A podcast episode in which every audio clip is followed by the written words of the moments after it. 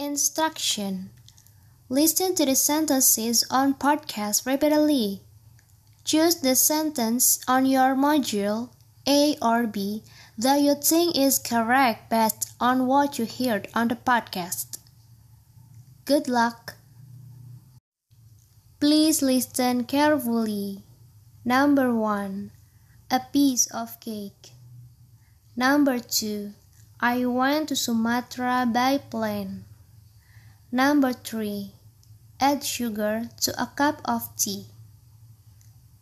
Number 4. Can you see me in your heart? Number 5.